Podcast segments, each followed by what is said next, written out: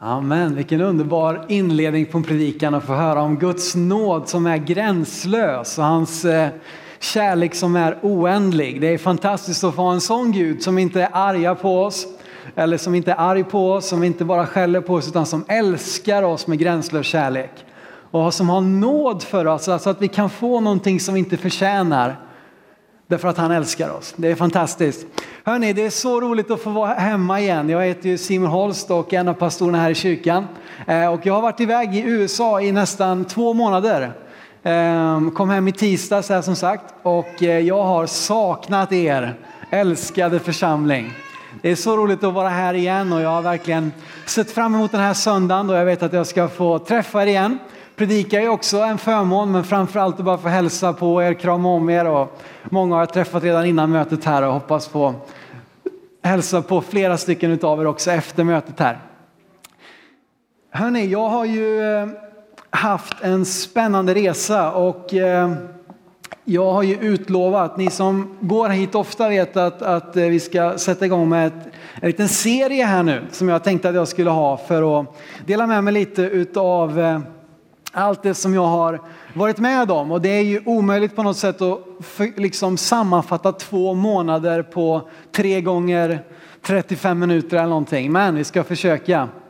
Och eh, om man bara ska sammanfatta det med en mening vad USA är, så är det stort. Och det visste ni kanske redan, men, men det är verkligen så att allting är stort i USA. Det är definitivt så. Alltså bilarna är stora, portionerna de är stora.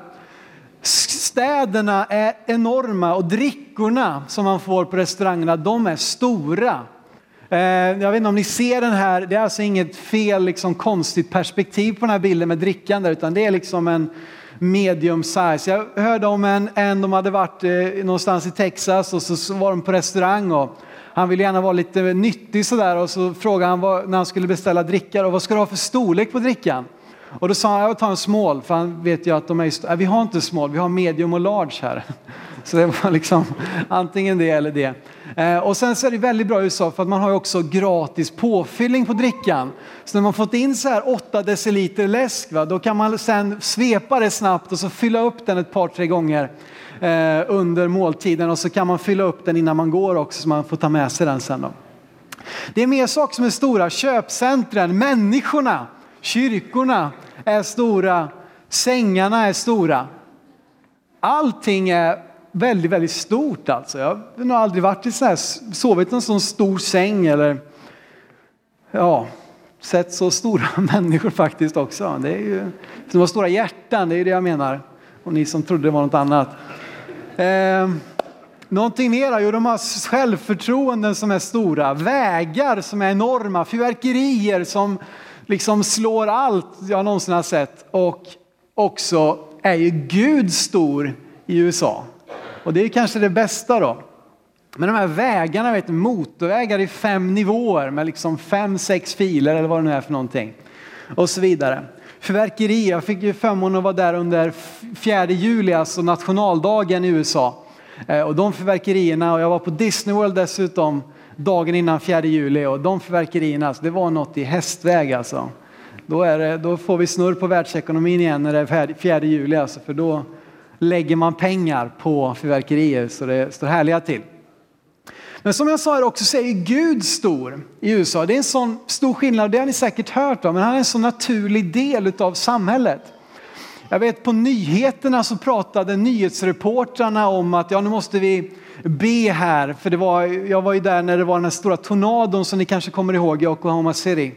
Och då pratade de om det såklart på tv väldigt mycket och nyhetsreportrarna pratade om att nu måste vi be för de här och eh, be till Gud. Och, Och eh Eh, Gud är med liksom överallt. På sporten så hörde jag sportkommentatorerna när de kommenterade NHL-matchen prata om Gud. Och på restaurangen så ser man ju överallt eh, hur folk ber för maten på, inte bara sådär liksom nicka och är tysta, man ber gärna eh, tillsammans, tar sina bordsgrannar i händerna och ber för maten. Och på stranden kom det fram några grabbar och vittnade för mig när jag låg där på min solbädd. Så kom de och berättade om Gud och ville be för mig där på stranden. Det fick de gärna göra. Det var ju bara trevligt. Och överallt sådär va. På tv, i massa tv-kanaler. På Rodeon vet ni, jag var på Rodeo, det var ju häftigt. Och då började det såklart med att, eh, att han som var kommentator böjde knä mitt inne på, på grusplanen där.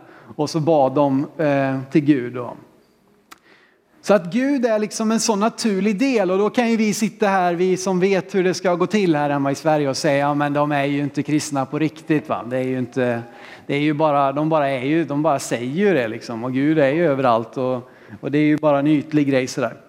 Och det finns säkert många som tar tron för givet och så, men jag tror inte alls att det är särskilt många fler procentuellt. Det blir klart många fler eftersom att de är så enormt många i USA. Men jag har också märkt att det finns väldigt många genuint kristna. Och det är många som förfäras i USA kristna därför att det är bara 40, bara 40 procent ungefär av befolkningen som går i kyrkan regelbundet. 91 så var det närmare 50 procent. Och jag vet inte vad det kan vara här, om det kan vara 6-7 procent kanske i Sverige. Så att det är ju väldigt stor skillnad.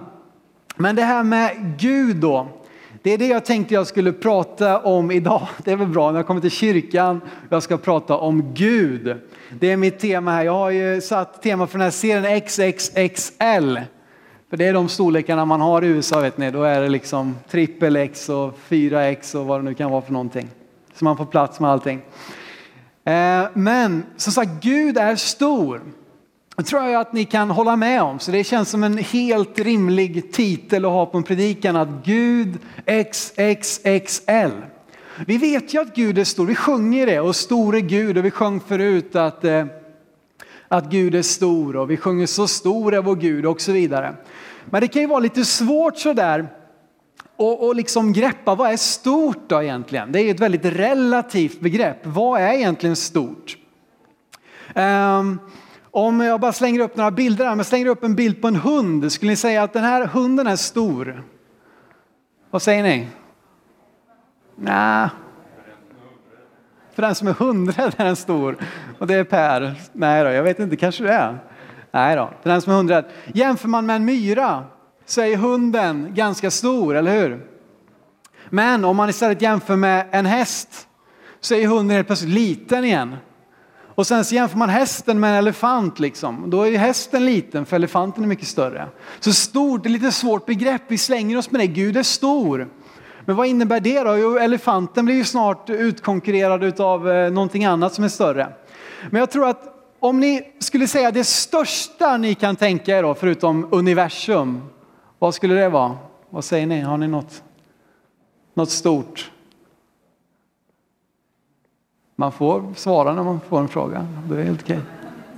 Någon som har något, släng ut något bara här. McDonalds, ja det är stort. Det är ju, som företag är det ju enormt stort alltså.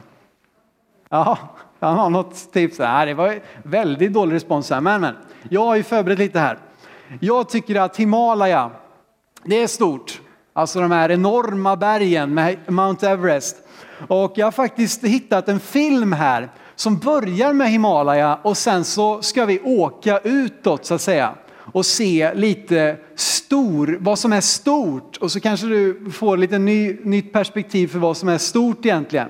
Tänkte vi ska kika lite på det här. Um, där vet ni, här börjar vi med Himalaya. Ni kanske ser lite halvdåligt men jag, jag förklarar lite här under tiden.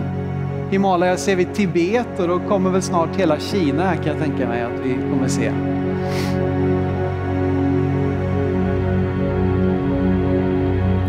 Nu ser man ju ja, större delar av Asien kanske. Så fortsätter vi, glider ut. Här har ni jorden.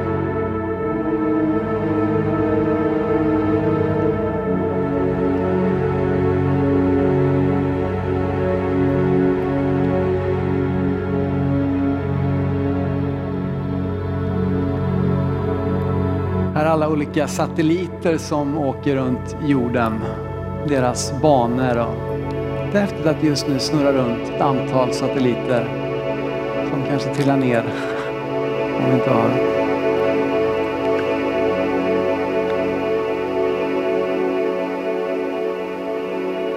Nu kommer vi snart åka här med ljusets hastighet. bakåt här så kommer det stå lite hur långt vi har åkt i ljusets hastighet från jorden. Och ska vi se här. Nu har vi åkt en sekund i ljusets hastighet. Där ser vi månens omloppsbana lite grann. Ser vi snart hela solsystemet här. Och deras omloppsbanor runt solen.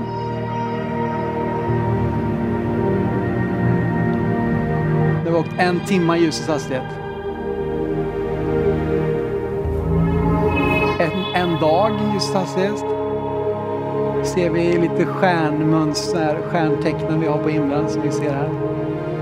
Hur mycket ljus, hur mycket ljus solen faktiskt lyser. Ett år har vi åkt med ljus hastighet.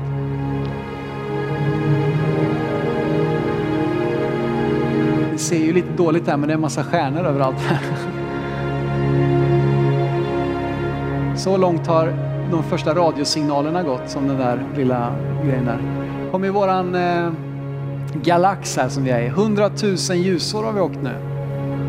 Så fortsätter vi ut och ser vi lite andra galaxer runt omkring. Och så är det mesta svart här nu, men så här någonstans. Nu har vi åkt 100 miljoner ljusår. Jag tror att där någonstans kopplar vi ut buren eh, och går vidare här. Eh, men om man säger så här, va, det där är ganska stort då. Nu blir ju hunden helt plötsligt inte stor om man jämför med den här enorma universum. Eh, och det här är ju då det som man än så länge har upptäckt. Eh, vi kunde ha åkt lite längre men ni fattar va, att det här är stort, alltså universum är stort. Och när jag läser Bibeln och när jag förstår och jag tror att Gud är världens skapare, inte bara den här planeten utan universums skapare.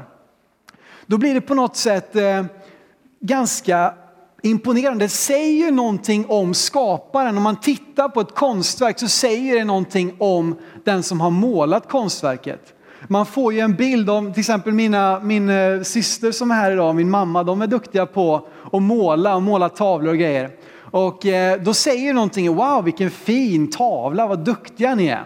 Så när man då tittar på den här tavlan som Gud har gjort, Eh, då, då, säger det någonting om våran skapare och jag skulle säga att skapelsen reflekterar Gud. Skapelsen visar vem han är. När vi ska börja försöka snudda vid att förstå hur stor Gud är så måste vi titta på skapelsen. Det är nog det bästa sättet att förstå hans storhet.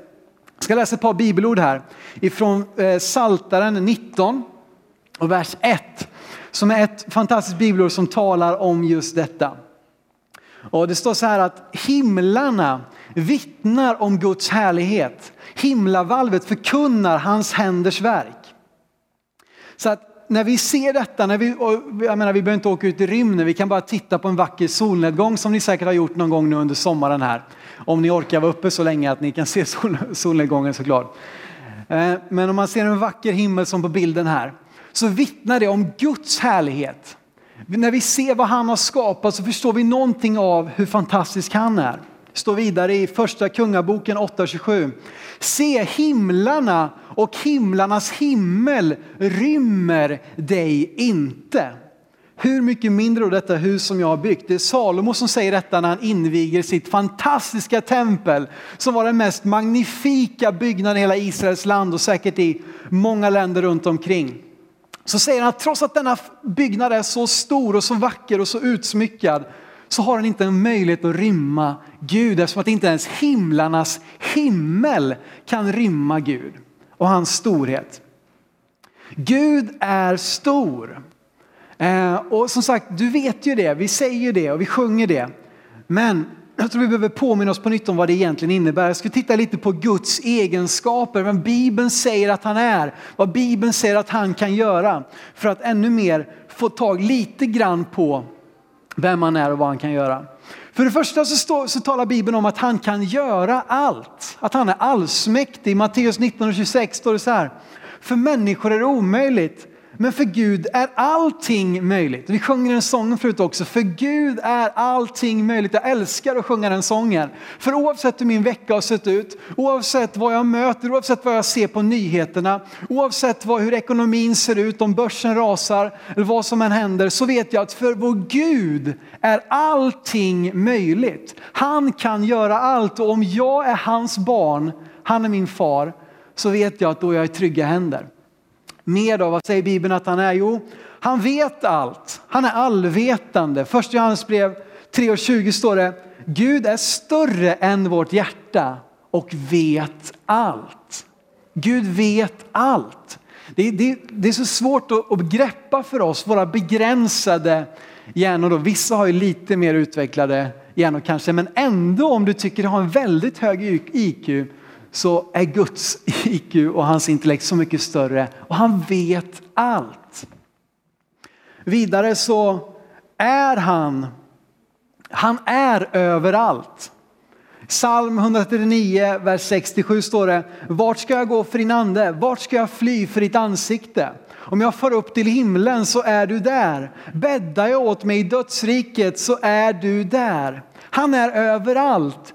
Du vet att du kan inte springa tillräckligt långt för att komma bort ifrån Gud. Även om du kanske inte känner att du har gått på hans vägar, även om du känner att du har hamnat vilse, så är Gud där. Och inte för att bara liksom förklara för dig allt fel du har gjort, utan för att hjälpa dig på rätt väg igen. Han är överallt. Han är liksom hela detta universum som vi såg, så är Gud överallt. Och och liksom, men det, det, går ju inte Simon, nej det går inte men för Gud är ju allting möjligt så att det räcker, det, liksom, det, det säkrar ju upp det här också då. Om allt är möjligt för honom så kan han vara överallt.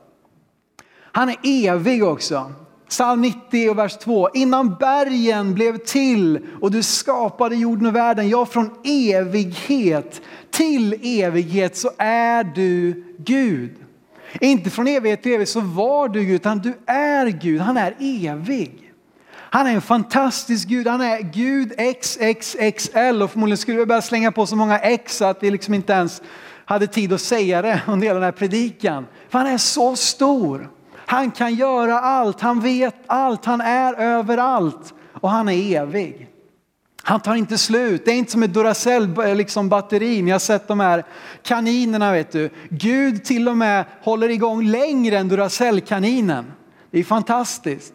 Jag vet inte om ni kommer ihåg de här gamla klassiska reklamerna där ni hade en kanin med Duracell-batterier och en kanin med något annat, Ikea-batteri eller någonting. Och så hoppar de och Duracell-kaninen han bara fortsatte, va? fortsatte, fortsatte. Men vet du vad Gud fortsätter? Han slår Duracell-kaninen. Det är fantastiskt. Och när man tittar på de här sakerna, om man tittar på universum, då kan det ju bli ganska skrämmande. Vem är den här store guden? Liksom, vad har jag med honom att göra? Det kan ju vara som att man bara faller ner på knä och det behöver vi göra ibland av bävan, utav vördnad, av respekt för vem man är. Men det slutar inte där att han bara är stor, som att han har makt, att han är stark, att han är liksom skräckinjagande. Utan det finns ett till fantastiskt är-påstående om Gud. Och det står i första Johannesbrevet 4 och 16. Att Gud, han är kärlek. Det är fantastiskt. Och vi ska läsa det här bibelordet då. Första Johannesbrev 4 och 16. Vi har lärt känna den kärlek som Gud har till oss och tror på den. Gud är kärlek och den som förblir i kärleken förblir i Gud och Gud förblir i honom. Vi har lärt känna kärleken. Inte bara är han kärlek på ett sätt som att det bara är några få utvalda som kan få uppleva det.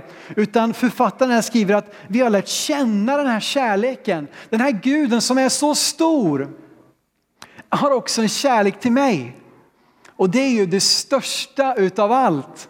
Att han som har skapat världen, han som har lagt liksom grundbultarna för universum, som har placerat ut stjärnorna. Han älskar dig och han älskar mig. Och inte bara på ett avlägset sätt utan det står här, vi har lärt känna den kärlek som Gud har till oss och vi tror på den. Och det skulle vi kunna skriva under på eh, som har tagit emot Jesus i våra hjärtan. Att vi har lärt känna den här kärleken och vi tror på den. Och det är det som är det stora i det lilla. Att det är inte bara stort och den här stora bilden och det här enorma som jag har sett mycket av nu i USA. Liksom. Men jag var inne på en inomhusarena som hade plats för 90 000 åskådare som var luftkonditionerat hela stället. 90 000! Det är liksom, man kan ju häpna över det här stora. Men Gud är inte bara det stora, utan han är också i det lilla. Och när man tittar ut på en äng så här, en vacker blomsteräng som ni kanske gjorde runt midsommar här, gick och plockade någon liten sju sort eller vad är det man ska ha i de här buketterna. Ska man, jag, jag kan inte de här riktigt folk, folklegenderna. Men, men när man tittar på en sån här vacker blomsteräng och man ser liksom naturen och landskapen så är det också fantastiskt att man kan liksom zooma in på en sån här lupin. Och så kan man se de här frökaps, eller liksom kapslarna och så ser man det vackra också i det lilla. Det stora är vackert och det, det liksom slår oss med häpnad. Men det finns också en detaljrikedom, det finns en, en närhet som också är lika vacker. Det är inte så, har ni, har ni varit med om det ibland, vet ni, man tittar på långt håll på en bild eller på, på en, eh, kanske på en lägenhet exempelvis. Ni kanske, eh, ja, Ibland så tittar man på sådana här Hemnet sånt där, och så tittar man på bilderna och allt ser fantastiskt ut och man tittar lite på håll så här och det är så vackert och det är liksom det här är drömhuset. Och så går man närmare och ju närmare man kommer desto mer liksom fel och brister ser man att ja, men det är ju hål i väggen och det är ju trasigt där och det är ju snett och det här är ju inte i vinkel och det är ju fuktskador i hörnet och eluttaget har släppt och, och liksom listerna har lossat och liksom tapeterna flagar och allt vad det nu är för någonting. Men det fantastiska med Guds skapelse är att när vi zoomar in på det han har gjort så blir det liksom inte massa fel och brister utan tvärtom så ser vi också där detaljrikedom. Det är det stora i det lilla, att Gud är också i det lilla. Och Det är så stort detta med hans kärlek. Att vi kan få lära känna den, att vi kan få uppleva den. Att Gud sitter inte bara på tronen utan han klev ner hit till jorden ifrån himlen och blev människa för att han älskade oss. Han dog på korset för din och min skull, för att han älskar oss. Han öppnade vägen för att vi skulle få en relation till Gud. Inte på grund av det vi har gjort rätt, utan på grund av det som han har gjort rätt. Och vet du vad, min relation med Gud bygger mer på vad som är rätt med honom än vad som är fel med mig. Så många gånger bygger vi vår relation och vi mäter den utifrån allt som är fel med oss. Och vi får höra det också utav våra vänner kanske eller utav en del predikanter som står och eldar på här framifrån. Att liksom, och det är så mycket fel och så vidare.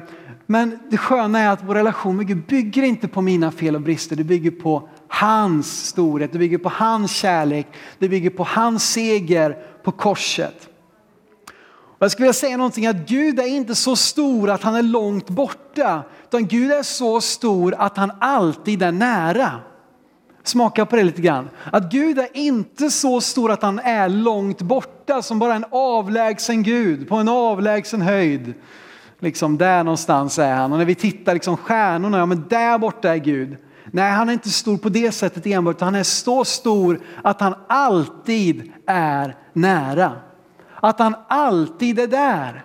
Att han finns där för dig och mig. Det spelar ingen roll vart du försöker gömma dig som David skrev i psalm 139. Om jag liksom springer dit, då är du där. Om jag tar mig hit så är du där. Överallt så följer Gud dig. Han söker efter dig för att styrka dig, för att trösta dig, för att hjälpa dig. Och det är det stora i det lilla. Att när vi bara ser på oss själva så kan det verka så, obety eller så betydelselöst. Men när vi ser att vi är en del av det stora som Gud har gjort så blir det någonting fantastiskt. Och Guds storhet, det som han har, är min styrka. Guds storhet är min styrka. Att jag får del av det i min svaghet, i min brist, i mina fel och misstag. Så kan jag få del av det som han har gjort. Och när Gud är så stor som vi har sett och som vi har läst så förstår jag också att jag kan få del av det. Jag ska läsa bibelord från andra Korintierbrevet kapitel 13 och vers 4. Där det står om Jesus, vad han gjorde för oss och vad vi, att vi kan få del av det. Andra Korintierbrevet 13, 4. Han korsfästes visserligen på grund av svaghet, men lever genom Guds kraft. så är vi också svaga i honom. Men ni ska få leva tillsammans med honom i Guds kraft som ni ska få känna. Vi är svaga. Precis som Jesus var svag när han hängde på korset så kan vi också känna oss svaga när vi går igenom det korset, eller liksom när vi upplever det korset som vi har fått att bära. De sakerna som möter oss i livet som kan vara tungt. Men i den svagheten så får vi eh, leva tillsammans med honom i Guds kraft som vi ska få känna. Guds storhet är min, eh, Guds storhet är min styrka. Och jag skulle också vilja säga det att inte bara är, reflekterar, eh, när vi nu har talat lite om Guds storhet och att skapelsen reflekterar vem Gud är, skulle jag också vilja ta min andra del här och prata om att kyrkan reflekterar Guds storhet. Gud har gjort skapelsen, Gud har gjort naturen, Gud har skapat allting för att visa på vem han är. Men Gud har också gett världen kyrkan för att vi också ska reflektera vem Gud är. Och vi gör det för våra medmänniskor. Vi gör det för våra städer, för våra arbetskamrater, för våra grannar, våra familjemedlemmar. När de ser på oss och de hör att vi är kristna så kommer de och liksom, vi är också Guds verk då, vi är hans skapelse. Precis som ett konstverk säger någonting om den som har målat det så säger du och jag någonting om vem Gud är. Så att vi är satta här som kristna för att reflektera Gud för vår omgivning. Och vi är satta att göra det i hans kropp, i kyrkan. Vi ska läsa ifrån Efesierbrevet kapitel 1 och vers 22. Och jag ska läsa just det här bibelordet från Bibel 2000 därför att det, det fångar faktiskt det här bättre än vad just folkbibeln gör som jag oftast använder. Efesierbrevet 1 och 22 23. Det står så här. Allt lade Gud under hans fötter, alltså Jesu fötter. Och honom som är huvud över allting gjorde han till huvud för kyrkan som är hans kropp. Fullheten av honom som helt uppfyller allt. Jag ska försöka förklara detta lite då. Att Gud har eh, satt eh, Jesus till att vara huvudet för församlingen eh, huvudet i kroppen, men att vi som kristna blir en del av hans kropp. Vi är Kristi kropp. Och när man tittar på kroppen så säger det någonting om liksom skaparen. Och därför är vi satta här att reflektera Gud. Han är huvudet för oss och vi är kroppen, vi är delar, vi är lemmar som alla fyller olika funktioner, som alla har en plats, som alla är viktiga och betydelsefulla. Jag ska läsa en engelsk översättning som heter The Message av samma bibelord som jag tycker fångar detta på ett ännu bättre sätt bara för att visa hur viktig kyrkan är. Det räcker inte bara med att naturen är underbar utan det måste också få en kanal in i människors liv. Och där finns kyrkan för att förmedla Guds underbara budskap. Så så här i The Message. The church is Christ's body in which he speaks and acts, by which he fills everything with his presence. Jag tycker det är ett sånt fantastiskt vackert sätt att beskriva vad kyrkan är. Jag har försökt mig på en, en fri översättning till svenska också för er som tycker det är lite svårt med engelskan. Att kyrkan är Kristi kropp. Genom den talar han och agerar. Genom den fyller han allting med sin närvaro. Kyrkan är Kristi kropp. Genom kyrkan vill han tala, vill han agera, vill han fylla allting med sin närvaro. Och vi är en smak av Gud. Vi är en doft av Gud. Vi är en glimt av Gud. Vi är ett ord ifrån Gud. Så min fråga till oss som kyrka då, och till oss som kristna är att vad luktar det egentligen när man kommer in här i kyrkan? Vad luktar det när man träffar dig och mig? Kanske är en lite känslig fråga men det är värt att ställa tror jag. Men hur ser det ut? Vad säger vi? Vad, vad har vi för budskap? Alla de här sakerna är viktiga därför att det reflekterar vem Gud är. Därför är det så viktigt att vi har vårt fantastiska värdteam som jobbar med att hälsa på folk och ge er ett leende när ni kommer in i kyrkan och ett handslag och välkommen hit till kyrkan. Att vi bemöter, därför att det säger någonting om Gud, det reflekterar vem han är. Det är därför det är så underbart att, att tänka på de här sakerna. Vad smakar det? Hur låter det? Vad säger vi? Och det är en fråga, en utmaning till dig och mig. Reflekterar vi Gud på ett sätt som förhärligar honom? Eller gör vi det på lite slarvigt, på lite halvdant sätt? Ja, ja, det är inte så noga. Det, är ju, det var ju liksom, de har ju varit här så många gånger eller den, han, bla bla bla. Vi kan göra massa ursäkter men det tror jag det är viktigt att vi alltid tänker att vi, hela vårt liv så är vi ett brev, vi är en doft, vi är en smak utav vem Gud är. Och vi är det tillsammans med våra syskon, med vår familj i kyrkan. Bill Hybels som är en av pastorerna för en av de största kyrkorna i USA, i Chicago. Han har sagt så här att den lokala församlingen är världens hopp. Och det är min fasta övertygelse. Det är därför som jag har lagt nu snart tio år i den här församlingen. Tiden går vet ni, nästa år så har jag varit här i tio år.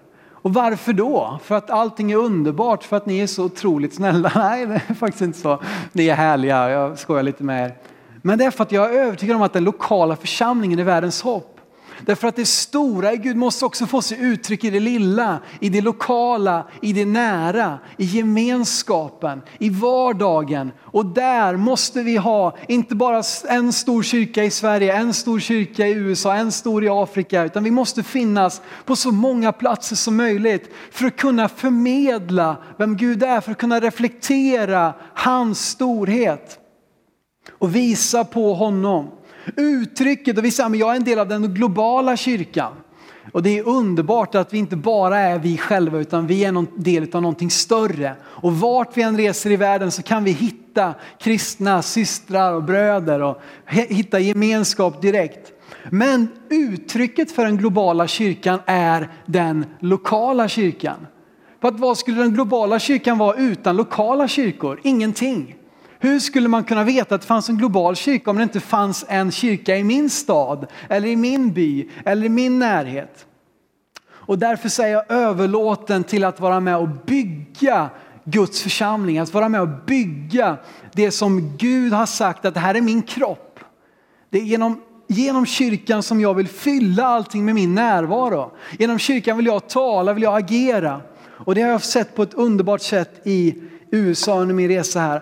Kyrkan har en oändlig potential. Jag skulle vilja säga några korta saker här om några av de här kyrkorna som jag har fått förmånen att besöka. En kyrka som jag började i heter Elevation Church och finns i Charlotte i North Carolina. Och eh, den startade för sju år sedan och idag så har de vuxit till att samla ungefär 13 000 människor varje helg. De har sju olika kyrkor i sin stad.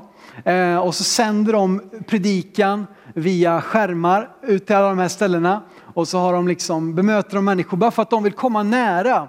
De vill inte att man ska behöva åka flera timmar för att komma till kyrkan, de vill finnas i människors närhet. Och de har vuxit på ett fantastiskt sätt. Ehm, och de håller just nu på att bygga kyrkor på två nya platser. Eh, 2011 så döpte de 2410 människor på ett och samma år. Och eh, fantastisk kyrka, en fantastisk tillväxt bara på sju år. Bara över att en, en, liksom en, en ung man och hans fru och deras familj och några till vänner bestämde oss för att vi ska vara Kristus. Vi ska, vi ska dofta av Kristus, vi ska ge en glimt av honom, vi ska smaka Kristus där vi är. För våra människor i vår omgivning så har det vuxit på sådant fantastiskt sätt. Den här kyrkan jag åkte till sen var Church on the Move i Tulsa, Oklahoma. Startades 1987 och de är också, det är ju 10, över 10 000 människor som, som är i den här kyrkan. De har ett enormt, en, en enorm kyrka som nästan är som en liten stad där de har en egen skola och gymnasie och, och liksom en egen American football arena där de kan spela fotboll och en enorm kyrksal och fantastiska liksom barnlokaler och allting. Och det som slog mig där är att de har en fantastisk satsning på barn och ungdomar. Att 80 procent av alla deras lokaler är dedikerade för barn och ungdomar under 20 år. De har satsat, alltså, trots att de är en så enorm kyrka så är alltså 80 procent för barnen och ungdomarna. För att de har, de har bestämt sig för att vi ska satsa på dem som, som är på väg, de som kommer, de som växer upp. Att de ska älska att gå till kyrkan. Och det jag fick se där det var fantastiskt när det kommer till de bitarna. Och det också till en kyrka som heter Live Church TV i Oklahoma City. Den startade 96 och är den kyrka som har gått före det här med att man har en kyrka som är på många platser. För att, eh, så att man alltså sänder och predikar men man har allting annat eh, live på plats så att säga. Och nu finns de på 16 eller 17 platser runt om i USA. Och alla ställen så kör de fyra till åtta gudstjänster varje helg för att få plats med alla. Och när det är så fullt att vi kan inte lägga till fler gudstjänster, då tittar de, okej okay, de flesta som kommer till den här kyrkan, de, kommer ifrån, de bor i Skultorp, så då bygger vi en ny kyrka i Skultorp. Och sen så när den har vuxit så mycket, ja, men då bygger vi en kyrka där och så fortsätter de att växa på det sättet allt eftersom nya människor strömmar till. De har tagit fram den här bibelappen som ni kanske har på er telefon som heter uh, U-version. Som precis uh, uh, trillade över 100 miljoner nedladdningar. Som alltså Bibeln tillgänglig på över 400 språk i liksom varje land i hela världen till alla som har en sån här telefon då. som ju växer på ett enormt sätt. Så att de har nått alltså genom ett digitalt missionsarbete så når de människor på ett fantastiskt sätt. De sänder gudstjänster live eh, 50 gånger i veckan och har människor sitter och chattar med de som tittar. Och många av de som tittar är från Pakistan. Eh, och de berättade där, och det var en annan sak, det var någon, de hade fått kontakt med en kvinna i Filippinerna som trillade in på deras hemsida, tittade på deras budskap, började chatta med någon där. Och så sa hon att, att, att eh, jag, liksom, jag, jag orkar inte leva längre. Jag, jag, för att de, hon gick in i ett sånt där, de har privat chattrum där man kan få nästan som förbön och samtal liksom i en privat chatt.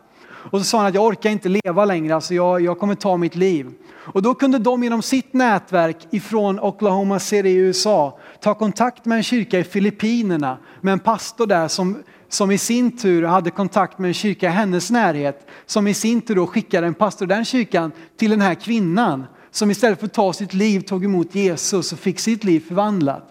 Fatta vad man kan uppnå genom dagens media och genom att använda det på ett fantastiskt sätt. Den här kyrkan är banbrytande när det kommer till de bitarna. En annan kyrka, Gateway Church i Dallas, Fort Worth, som startade 2000 och nu är de över 20 000 människor. Det är, liksom, det är nästan löjligt. Eh, de har ungefär 7 000 volontärer som hjälper till och hjälper till med alla möjliga olika saker i kyrkan.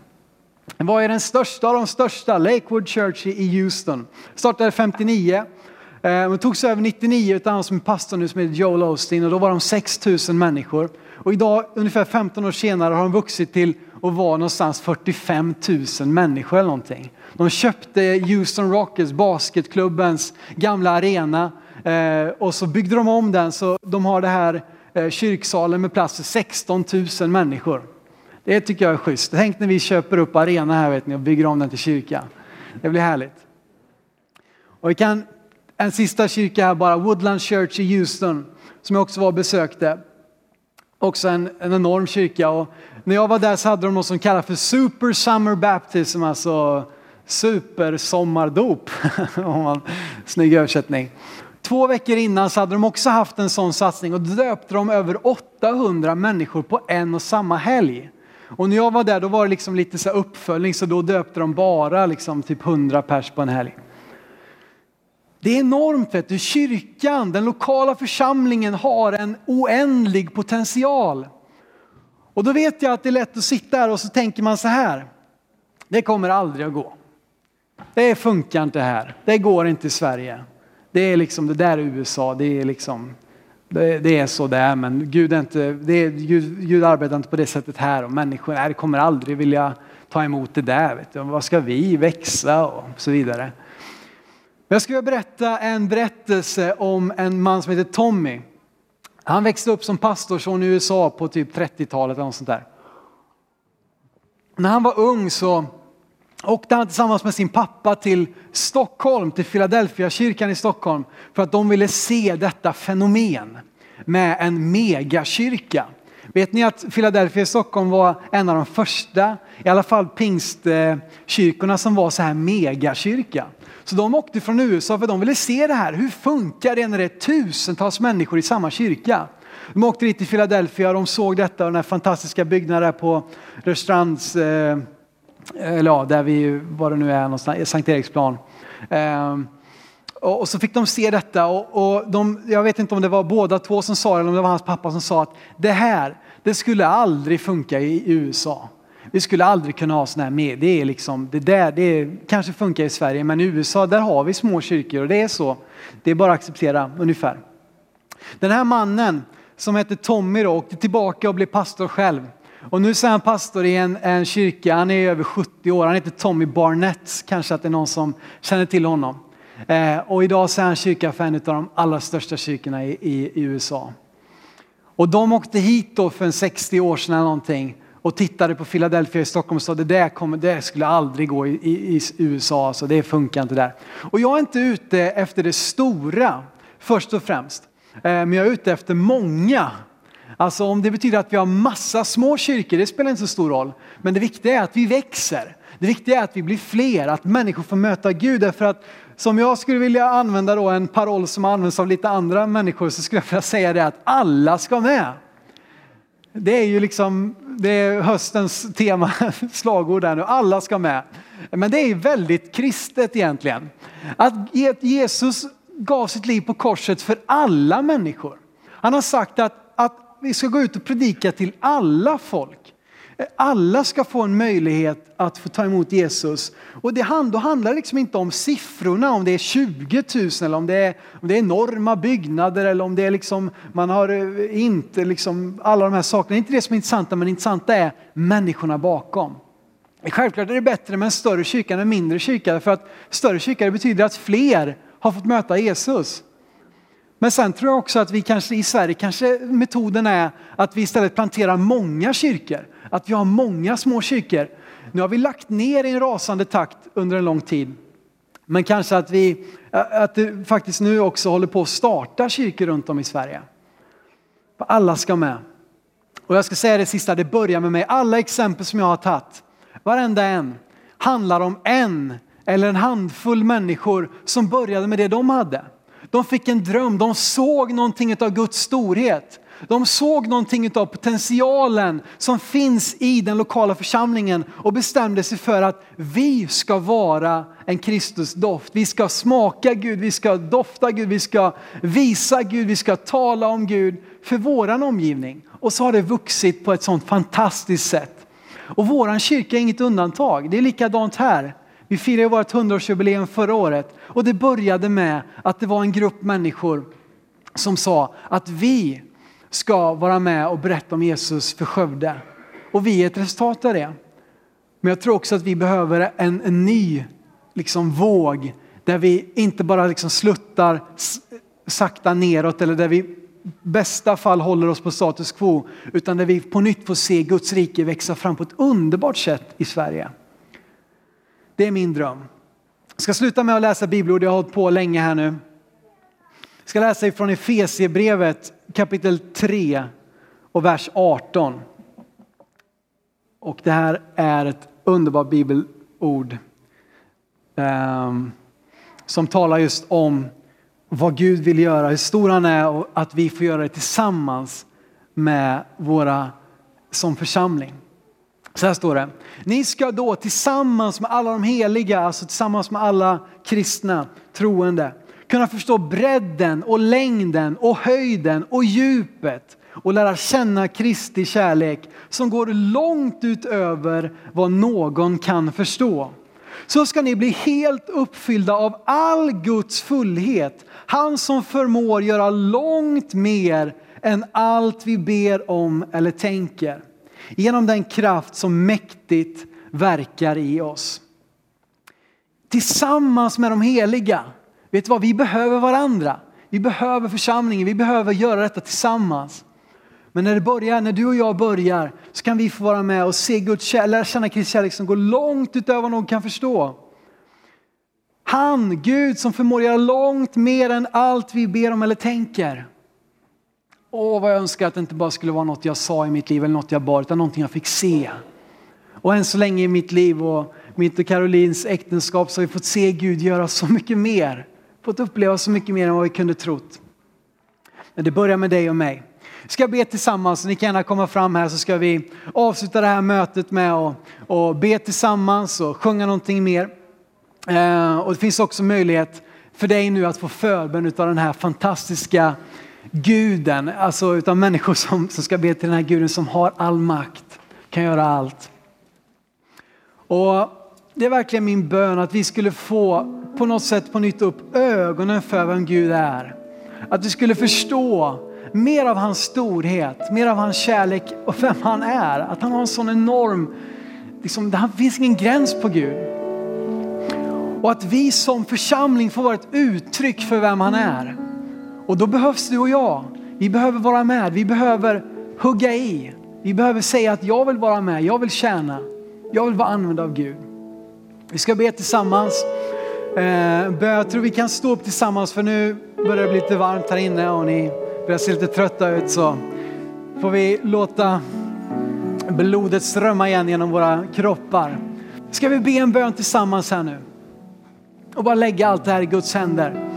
Ehm, och så jag uppmuntrar dig också nu när vi sjunger här att sjung och ta med dig det här nu eh, under veckan som kommer här. Hur stor Gud är, att han kan göra mer. Att han vill på nytt tända drömmar, eh, liksom föda drömmar i våra hjärtan. Han vill på nytt låta oss få tro för en framtid som är ljus. En framtid som är full av hans kraft och full av det som han vill göra. Så vi ber tillsammans. Tack Jesus för att du offrade ditt liv för oss på korset. Att du öppnade vägen till oss att få en relation med Gud. Tack Fader att du inte har hållit någonting tillbaka. Tack Fader för att i din storhet, i din allmakt, i din, i din kunskap, i din liksom enorma eh, kraft så har du inte bara jo, använt det på ett sätt som att eh, ingen får ta del av det utan du har varit generös och låta oss få del av det Gud. Jag tackar dig för det. Jag ber dig Gud om att du ska fylla våra hjärtan med tro. Att du ska fylla våra hjärtan med en ny förståelse och inte bara en intellektuell förståelse, utan en uppenbarelse av att du är stor. Du har all makt. Jag ber också för vår församling Herre, att vi skulle få vara en smak utav dig. Att vi skulle få dofta Gud, att vi skulle få smaka Gud, att vi skulle få lukta Gud för alla människor som vi möter och för alla människor i vår stad Herre. Gud vi tror dig om mer därför att du är, har mer. Vi tror dig om att du kan göra någonting större därför att du är större än det vi än så länge har sett Herre. Tackar dig Gud för att vi får vara en del av din stora plan Herre. Att vara med och dela med oss av det bästa budskapet som finns, nämligen att du gav ditt liv för oss för att vi skulle få uppleva din kärlek. Tack Jesus för det. Jag prisar ditt namn och ärar dig. Amen. Och när vi ska lovsjunga Gud tillsammans så kom fram här också och ta emot förbön om vad det än är för någonting som du har för behov. Kanske du vill få lära känna Gud idag, komma tillbaka till honom. Kanske du vill ha förbön för någonting som ligger i din vecka eller bara vill ha påfyllning. Så kom fram här så ska vi sjunga en sång till slut här nu innan vi avslutar det här mötet. Amen.